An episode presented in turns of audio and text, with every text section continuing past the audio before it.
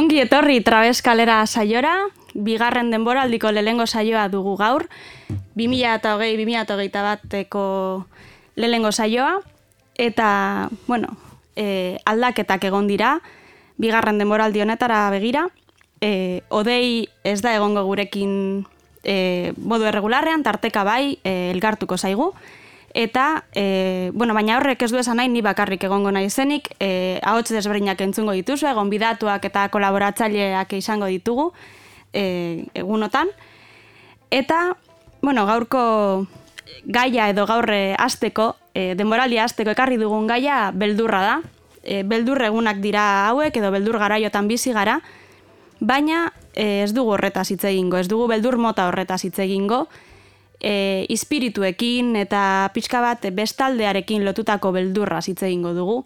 Eta batez ere, e, emakumeek sortutako beldurrez hitz egingo dugu.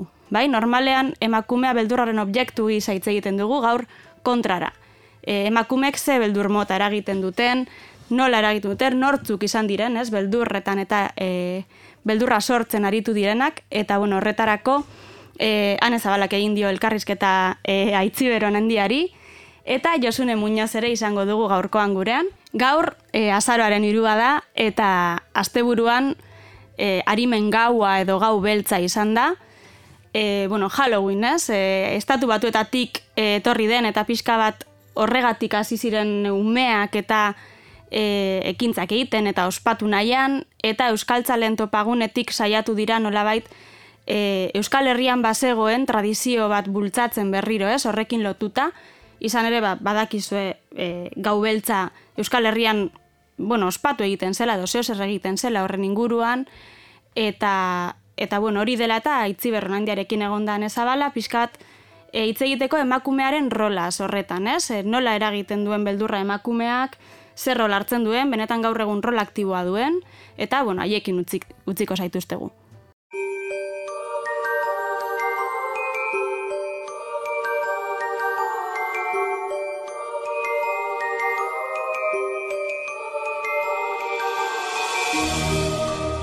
Gau beltzaren inguruan berba egiteko gurean daukagu, aitziberron handia, eta, bueno, ba, jai edo honen inguruan, e, galdera pare bat e, lusatuko dizkiegu, hau aitziber, Kaixo. Aupa.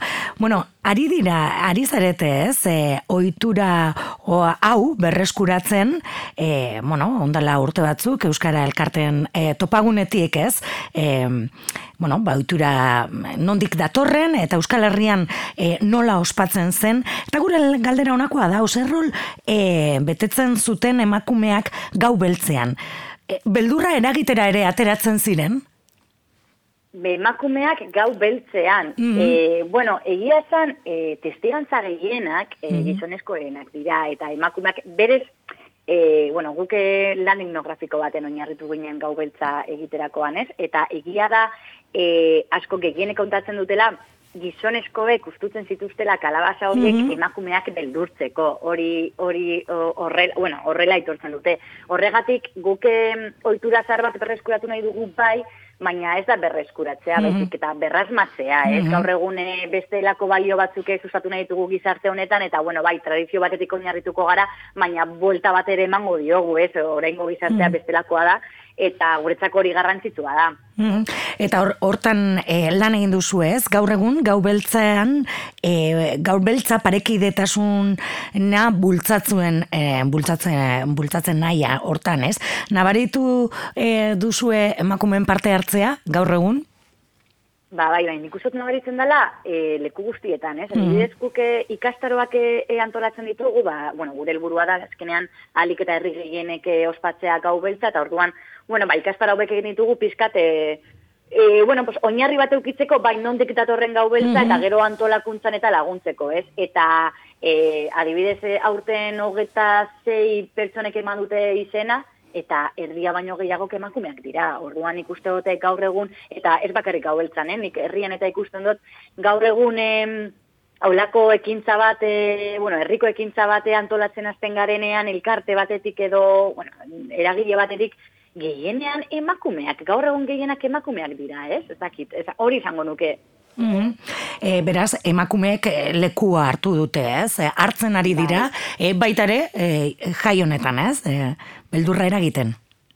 Bai, hori da, eta nik uste dut adibidez, bueno, guk azkenean e, gure baloretako bate pareikitasuna da, berdintasuna, mm ez genero rolako, general roloiek apurtzea, eta hori adibidez, kontuan hartzen dugu adibidez e, mosorratzerako momentuan, ez? Mm egia da orain arte, bueno, Halloween edo inautirietan edo bestelakoetan e, oso, oso berizgarria dala nola mosorratzen den emakume bat edo nola mosorratzen den gizonezko bat, ez? Batez ere gazteak direnean, ez? Ba, trintxetza edo un Superman edo mm hor berizketa goten da, bidez guke hori kontuan hartu dugu eta guke mosorro, mosorratzeko proposamen bat iradoke dugu e, eta mosorroiek guztiz berdinak dira, bai mm -hmm. bai emakumezkoentzat, ez? E, denak mozorratuko gara berdinarekin, ez? Bueno, berdinarekin edo etxan ditugun trapusarrekin, ez? Orduan, bueno, bai egia da, e, guretzako oso balore garrantzitsua dela eta kontuan hartu dugu momentu guztian.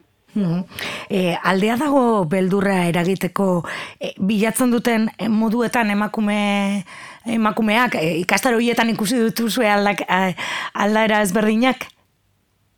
Ba, ia zan, ez, bueno, ez dakit, azkenean e, emakume hauek, e, bueno, biltzen dira bestelako mm -hmm. pertsonekin, ba, azkenean jai bat aurrera eramateko, ez, e, nik ustotekin zak eta holan, azkenean denon artean e, erabakitzen direla, orduan, ez nuke, ez nuke zango hortan e, nabarmen, ez dakit, ez nuke nabarmenduko hori. Mm Bueno, e, kontuak kontu, e, bueno, ikerketa antropologikoa egin, e, berreskuratu beharrean, e, bueno, ez, e, egiten zena jaso eta proposamen berria eskaini duzu, ez? Hori litzateke gau beltzara edo animan gauarekin egindako lana. Hori da, hori da, azkenean, e, ba, bai, e, berrazmatu nahi izan dugu, ez? Egia da, bueno, e, garrantzitsua da ikustea ze, zer egiten zen Euskal Herrian, e, gainera, zentzu handia du horrelako festa bat antolatzeak, ez? Azkenean e, Euskal Herrian betianik e, naturzikloa ilotutako festak egin dira, ez? Eta, bueno, udazkena da, e, iuntasuna dator, mm e, bueno, be, solstizio berri bat, da, e, orduan hori hori betian ikospatu da, ez, eta are gehiago ospatzen zan, eta modu honetan, kalabazak erabilita, kalabazei e, auspegi forma emanez, kandela bate barruan zartuz, beldurrak partekatuz, hilakoak oroituz, orduan, bueno, zentsu guztia du horrelako festa bat e, antolatzea gaur egun, baina baina bai, egia da guk ere bestelako balore batzuk usatu nahi ditugula e, festa honekin, ez? Mm Iuntasuna piztu ere, ez? E, usta batu, ez? E, horrekin ere zer ikusia badu, ez? Animen gaua, gau beltza egun hauetan e, ospatzen den hori. Bai, e, azkenean, e, bueno, pelikuletan ikusten dugun atezateko hori, Euskal Herrian ere egiten zan, ez? Baina egiten zan, ez bakarrik gau beltzean, e, bueno, e, San Juanetan ere, bueno, egiten zan gauza bat. Ora, Euskal Herrian medianik atezate joan da jendea e, baskari, bueno, janari bila, ez? Eta hemen, justo ekara honetan zentzua hundiagoa du, ez? Azkenean, negua dator. Negua dator, e, baratzaia, e, bueno, baratzak ja eman du eman beharreko gehiena, e, denak jaso dugu baratzean duguna, gure despentzak goraino daude, baina, claro, beti, beti e, esaldi hori kanta batek esaten duena, e, dakonak ez dekonari, ez? Mm -hmm. e, bueno, ba, orduan, e, e, holan ibiltzen ziren, atez, ate, orduan, bueno, oitura horiek ere ematen dutela. Estatu baratutatik datorren zerbaitala, edo gure, guretik oso, oso arrotza den zerbaita, eta ez da, ala, eh? Osa, ospatu egiten zen, eta nik ustot Ez da bakarrik, eh, oza, zala baizik, eta oso oitura polita gala, eta nik uste torlako oiturak berrasmatzea e, guretzako oso, bueno, polita dela, e, e, bueno, pues, guretzako euskal herri, euskal herri oso dentzako, eh? Mm -hmm. e, Bezetik, e, bueno, gainera, e, berrasmatu eta berdintasunea oinarri e, e, izan da, ez?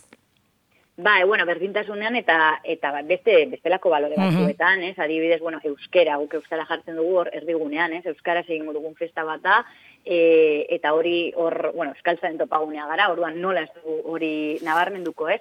E, bestetik, bueno, e, zuk esan zuen pareki eta zuna, baina, bueno, gazteak, azkenean, e, guretzako oso garrantzitsua da gaztei pizkat presentzia ematea festa honetan, ez? E, Oso erakargarri egiten zaien festa bat da, eta orduan, bueno, ba, guazen, ba, igual gaztei e, antolakuntzaren ardura eman, ez? Zer nolako jaia prestatu nahi duzu eba, guazen denon artean prestatzera, ez? Hori polita da ere, gero komunitatean izatea, ez? Denon artean antolatuko dugu mm -hmm. zerbait izan behar da, eta komunitatean ospatu, ez? Bakoitzak mm -hmm. bere aldetik. Hori da. gero, e, natur, naturaren harremana, ez, ba, lehen aipatu duna, azkenean e, betianek natur zikloetutako festa kantolatu izan ditugula, eta guretzako garrantzitsua da hori ere mantentzea, eta adibidez, e, bueno, ere, ere garrantzitsua da ere, e, jai eredu jasangarri bat izatea, ez? Guk ez ditugu plastikozko kalabazak erabiliko, erabiliko ditugu mm -hmm. kalabazak gura ito namonek egiten zuten moduan, ez? Eta gero e, kalabazak ustu eta barrukoarekin, ba, bizkotxo bat egin dugu, ez? Bizkate horri ere garrantzia eman nahi diogu. E, ez dakite, bueno, eta, bueno, eta gero garrantzitsua da tokian tokikoa izatea, ez? E, festa bakoitza bere izara propia ukitzea, berdin dio, e, nola deitzen diozun. E, gau beltza, e, harimen gaua, Mm. Batzkatu bat, berdin dio, bako, baina nik uste garrantzitsuena dela, herri bakoitzak ikustea, e, bueno, investigatzea pizkat, zer egiten zan haien herrietan, mm -hmm. e, hortik abiatu, eta, eta balore berri hauekin festa hori berrasmatu, ez? Eta bakoitzak ospatu ezala gau beltza nahi duen moduan, baina ospatu ezala, ze azkenean, e, festa baten aitzakiarekin, normalean lantzen eritugun gai batzuk lantzen dira, ez, eriotzaren inguruan hitz egiten dugu, normalean egiten mm -hmm. gauza bat da, bai. ez, beldurrak, eh, beldurrak pastekatzen ditugu, niko nik diot beldurra, eta zuze, eza, gauza horiek ez dira normalean egiten, eta eta, bueno, eta hilakoak oroitu, ez, modu divertigarri batean gainera, ez, ez, e, hori egiten dugu, eta liberean e, ospatzen ari gara, eta liberean ondo pasatzen ari gara, eta, bueno, nik uste dut, e, e, eske aitzakia baldin badago, denok eh, elkartu eta olako festa polit bat egiteko eta gainera bali, balore hauekin, ba nola ez dugu egingo, ez? Eta kontuan hartuta hori jatorriz Euskal Herrian egiten zen gauza bat dala, ez? Ba guazen hori ere e, jasotzera. Ba, urriaren hogeta ba, amaikaren buelta hortan, ez? E, herri batzutan lehenatxoago, berandutzuago, e, egun hoien bueltan e, ospatzen da, eta zan, gau beltza, harimen gaua. Ba, itzi berrezkerrik asko, gaur gurean egon izan agaitik? Ba, itzu Agur. Agur, eskerrik asko.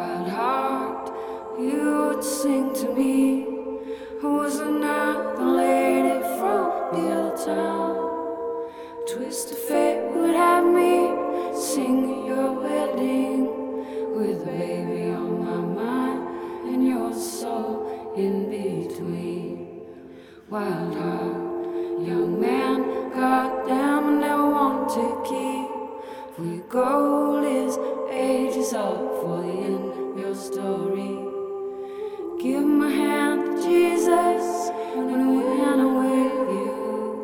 Oh, wonder, I've been wondering.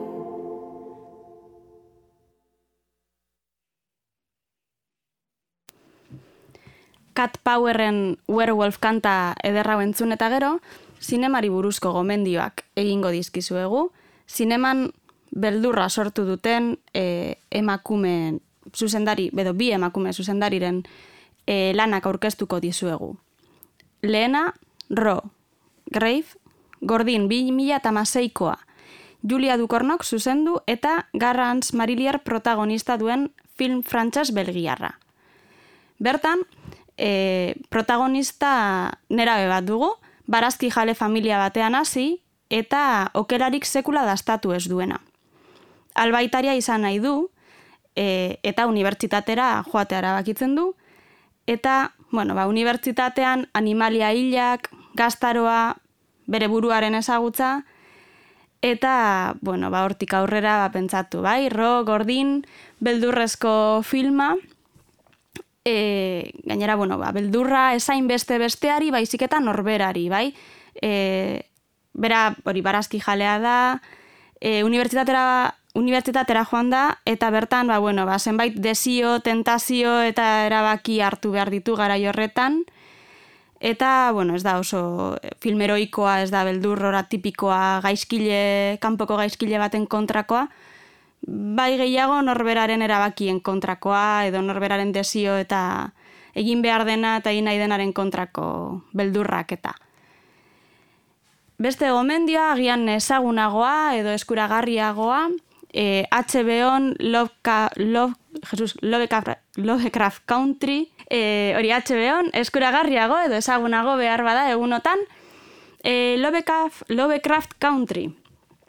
E, telesaioa da, amarra tal ditu, e, beldurretik, fantasiatik, bai, e, HP Lovecraft idazleari keinua egiten zaio, ez dakit ezagutzen duzuen, e, arrazista zen, besteak beste, nahiko ideologia e, eskuinekoa eta bar, baina, bueno, e, fikzioa eta zenbait monstru eta sortu zituen, eta zuzendariak hori hartu eta nolabait keinoa egiten di horri, izan ere e, arrazakeriaz e, aritzen da, batez ere telesaila, e, monstruak ere badaude, monstru fantastikoak eta monstru gizatiarragoak nolabait, eta, bueno, ba, protagonista gizona da hori bai, Atticus Finch, baina badago pertsonaia interesgarriagoa, e, Ipolita. Ipolitak hasieran nolabait e, senarrak sinatzen zituen istorioak sortzen ditu eta eta gerora pixka bat e, aurrera egin ala telesaioak ba, bueno, ba, beste garapen eta garrantzia hartzen du ezagutzen ditu e, iraganeko eta torkizuneko referenteak eta bueno, hor badago nola baiteko hausnarketa mm, generoa, arrasaz eta bueno, telesaio interesgarria ikusteko e, nahi duenak. Eta bukatzeko, hor gehiago, bueno, ja pasatu da, zinemakumeak gara festivalari edo jaialdiari egin nahi diogu referentzia, urrian e, egin dute, bostetik amalaura, e, hogeita lau bosgarren urte urrena izan dute aurten, eta beldurrari buruzkoa izan da, beldurrari eskaini diote aurtengo edizioa, e, Ana Gutierrez izan da zuzendaria, eta bueno, ba, hor, animatzen zaituztet zinemakumeak.com webgunea ikustera, bertan proiektzioak ere badituzu esarrendatuta nola baite hor ikertu nahi duenaren txat, eta hemen azpimarratuko dugu edo nahi diogu erreferentzia egin harima e, film laburrari dago ikusi nahi duenaren txat.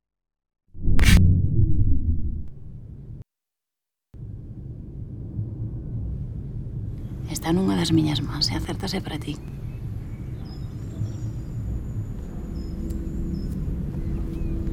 que queres esta?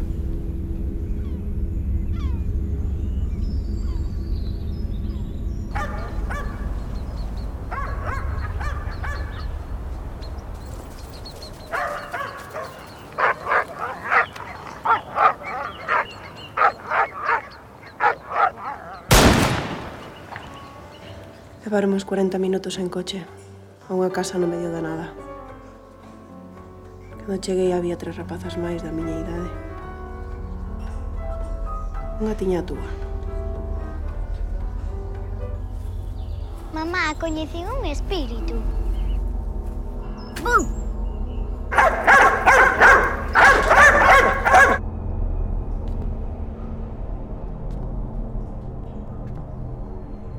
Sei quen és.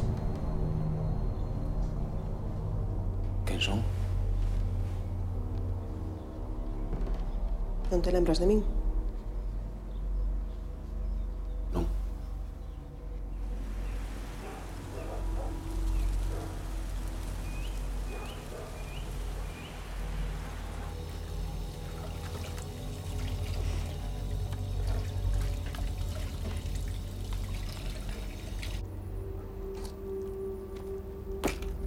Pero que é unha ilusión. Cando ves cousas que non existen. Bueno, ba, zinemari buruz hitz egin eta gero e, literatura gomendioak ere ekarriko ditugu edo literaturan aritu diren zenbait emakume izango ditugu eta e, horretaz hitz egiteko Josune Muñoz dugu gonbidatu lehengo saio honetan, arra, e, guardion, arratsaldeon Josune? Arrastion. Arrastion zelan, ondo?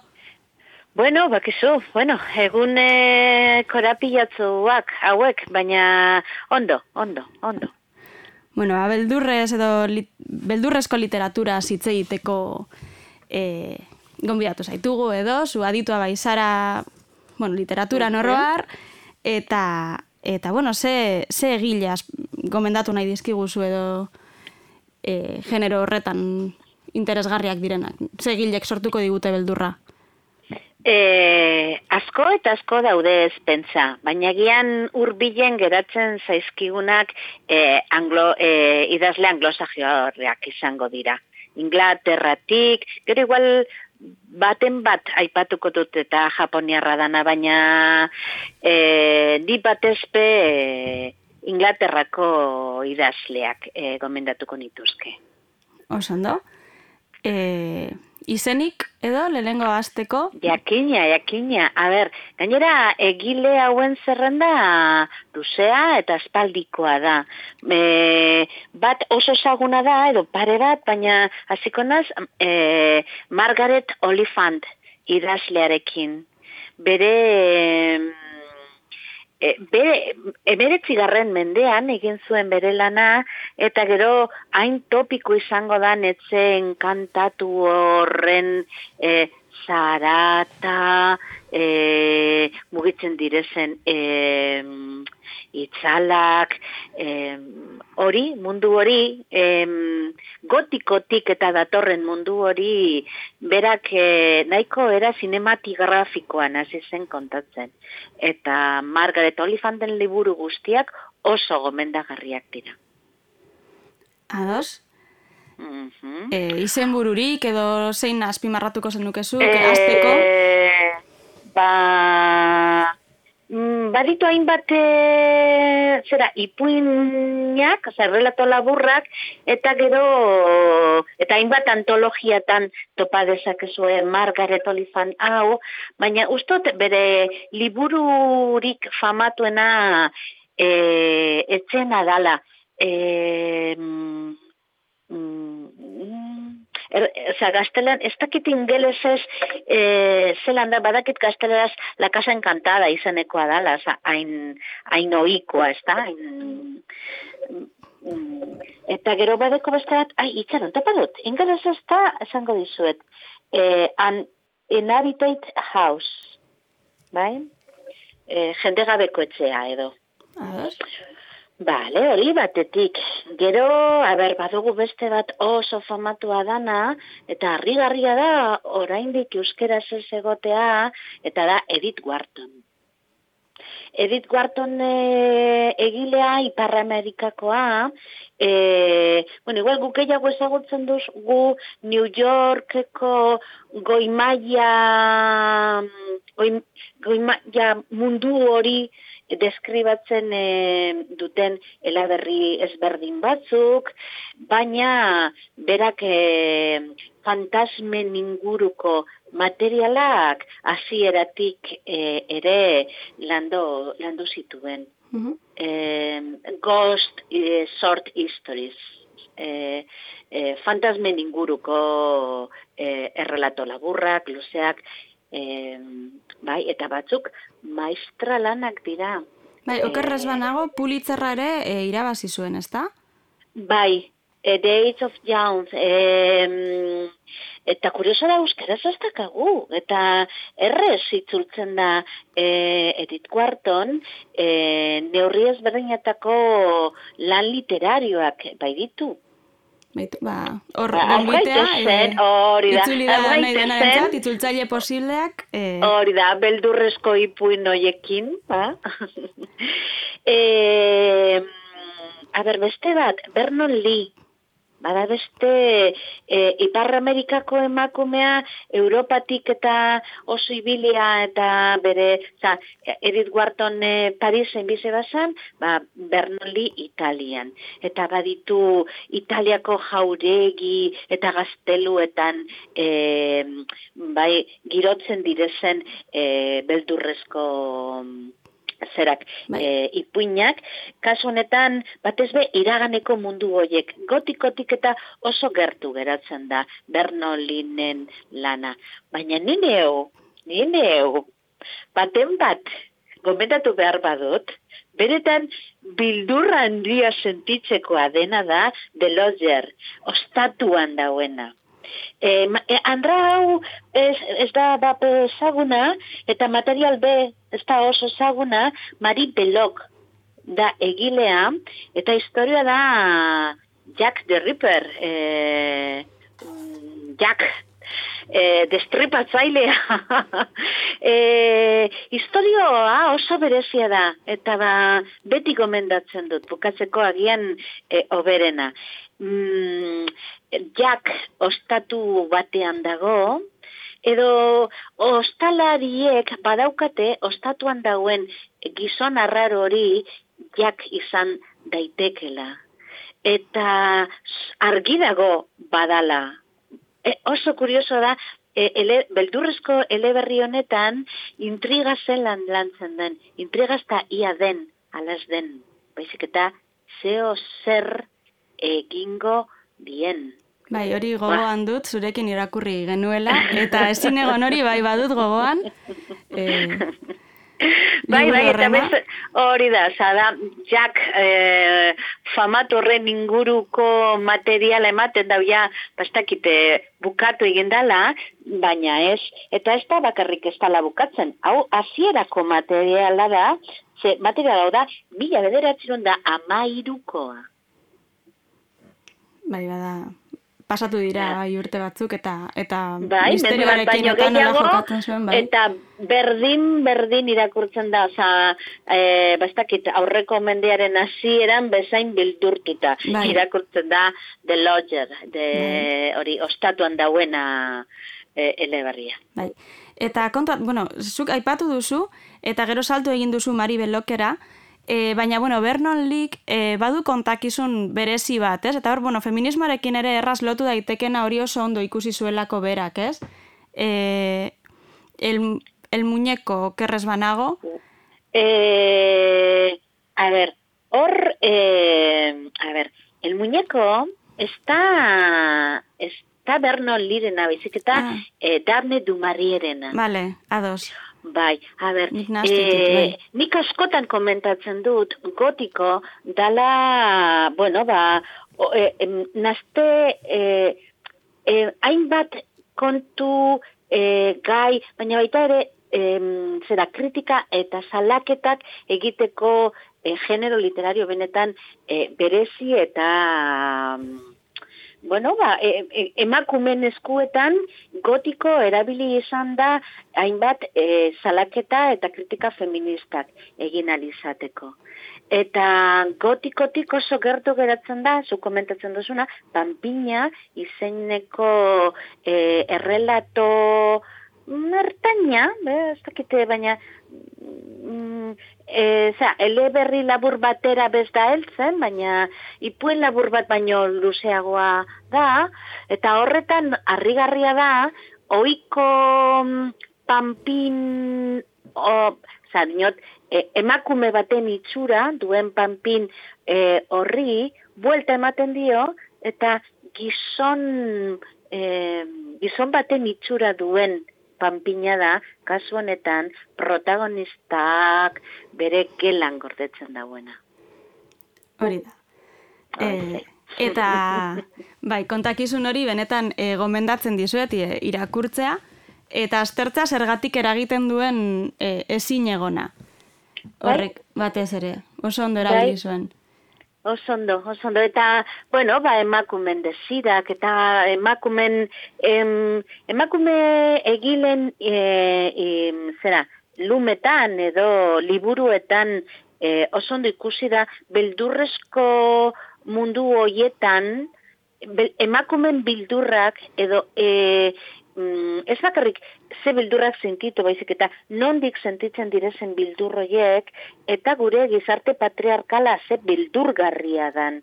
Eta hor nazten dira etratutzarrak, e, itxita egotearena, isolamendu fiziko zen familiarra, e, testuak, mesuak, eta azpitestuak eta azpimezu eskozita egoten dira material hauek oso interesgarriak dira.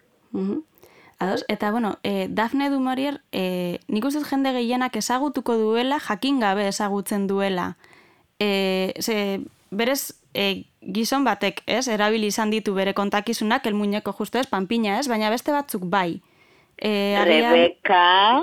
Hori da. Rebeka, Jamaikako e, ostatua, e, txoriak, bai, ma, em, za, maiz, maestra lanak dira e, literaturaldetik, eta guk ezagutzen ditugu e, Hitchcock e, zinemagilearen e, zeratik, ezta, filmetatik. Baina, jakin filme ikaragarri mm, onak, onoiek, em, Dafne Dumarriren lumatik atera zirela. Eta gainera, nahiko atara eta segidoan, e, filme formatuan jarri zituen Hitchcock.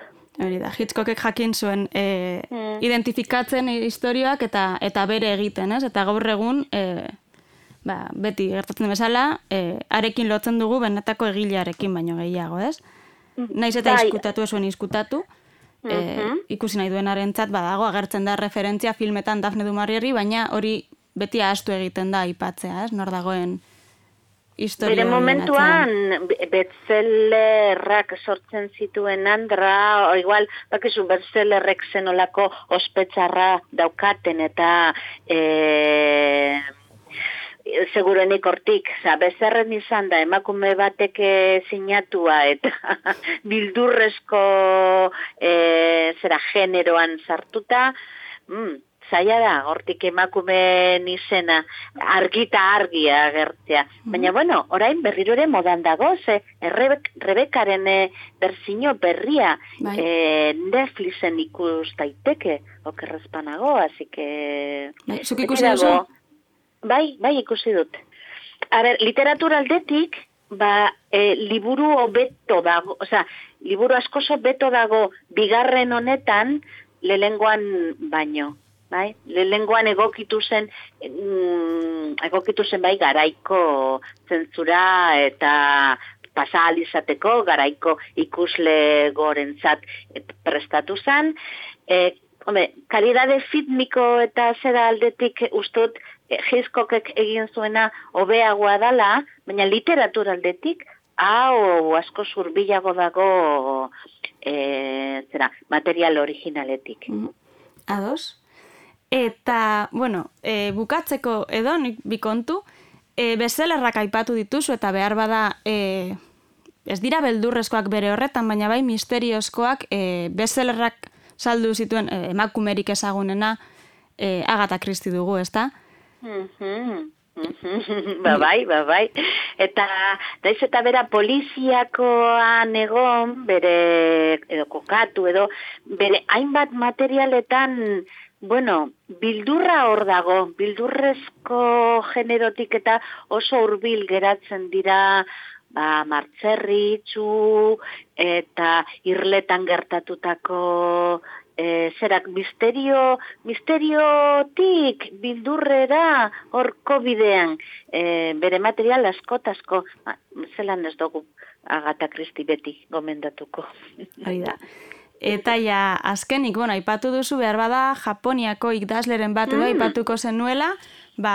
Bai, a ber, e, ez dakite, ba, zuten duen jandiak jakingo duen, baina e, Japoniako herri literaturan beldurrezko pertsonaiak, historioak eta egoerak oso arruntak dira badago, genero oso bat beldurrezko historioak eta lantzen dauena.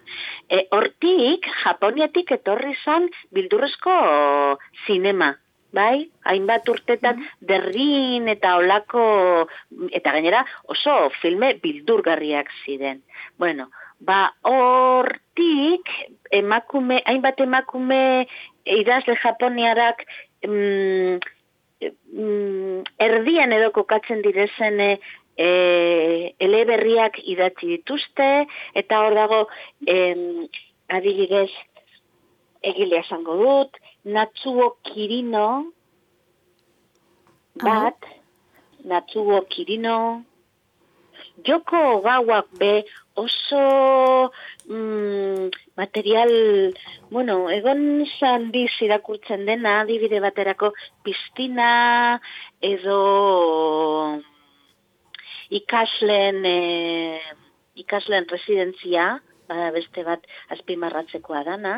Liburu, e, oza, katzuo kirinok oso liburu luzeak idazten baditu, e, joko gauak aldiz, e, errel, oza, ele, eleberri laburretan e, geratzen da. E, biak oso gomendagarriak. Ederto, ba, hor ditugu gure entzulentzako e, eta gustu guztientzako gomendioak, e, mila esker josune gaur gurean egoteagatik eta zure gomendioengatik. Eta animo. Bai. bueno, ba, bilturra hondirik ez pasa. Edo pasa. Hoi da. zuek ikusi, zuek irakurri, eta, a ber, a ber, gu- gure bildur neurriak eta entzuten dagoen jendearen eh, neurriak bat datozen. Mila esker jos, josune, eta Bale, ba. ondo izan. Urrengor arte. Urrengor arte, bai.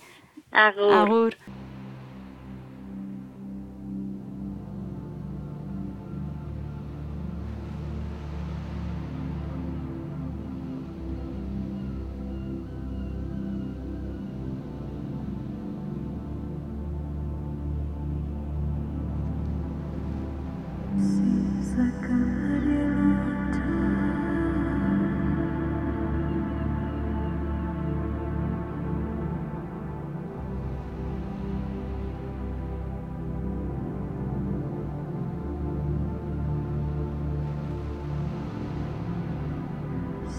Hello,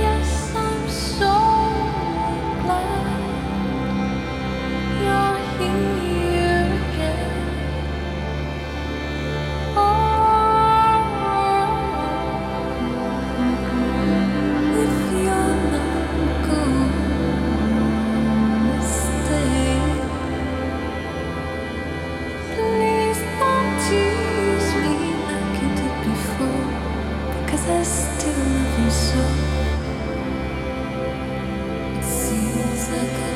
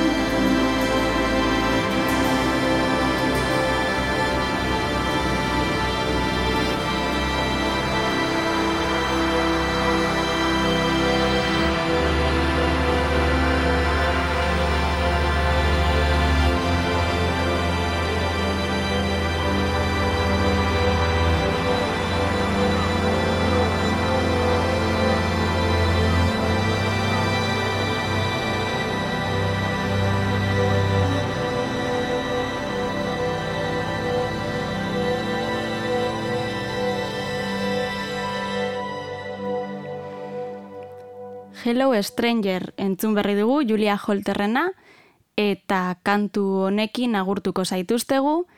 E, bueno, gogoratu, beti bezala, trabeskalea bildua bilboiria irratia puntu elbidea duzuela idazteko. E, itziar eta odei, orain odei zuri dagokizu idaztea zerbait. E, espero zure mezua jasotzea. Eta, bueno, ba, espero dugu e, gozatu izana, gomendioak kontuan hartzea, eta, bueno, naiz eta harimen gaua pasatu den dagoeneko egunotan gaude, beldurra beldurrezko produktuak eta kontsumitzeko, zuen gomendioak ere jasotzeko pres daude. Mila esker eta hilabete ona izan.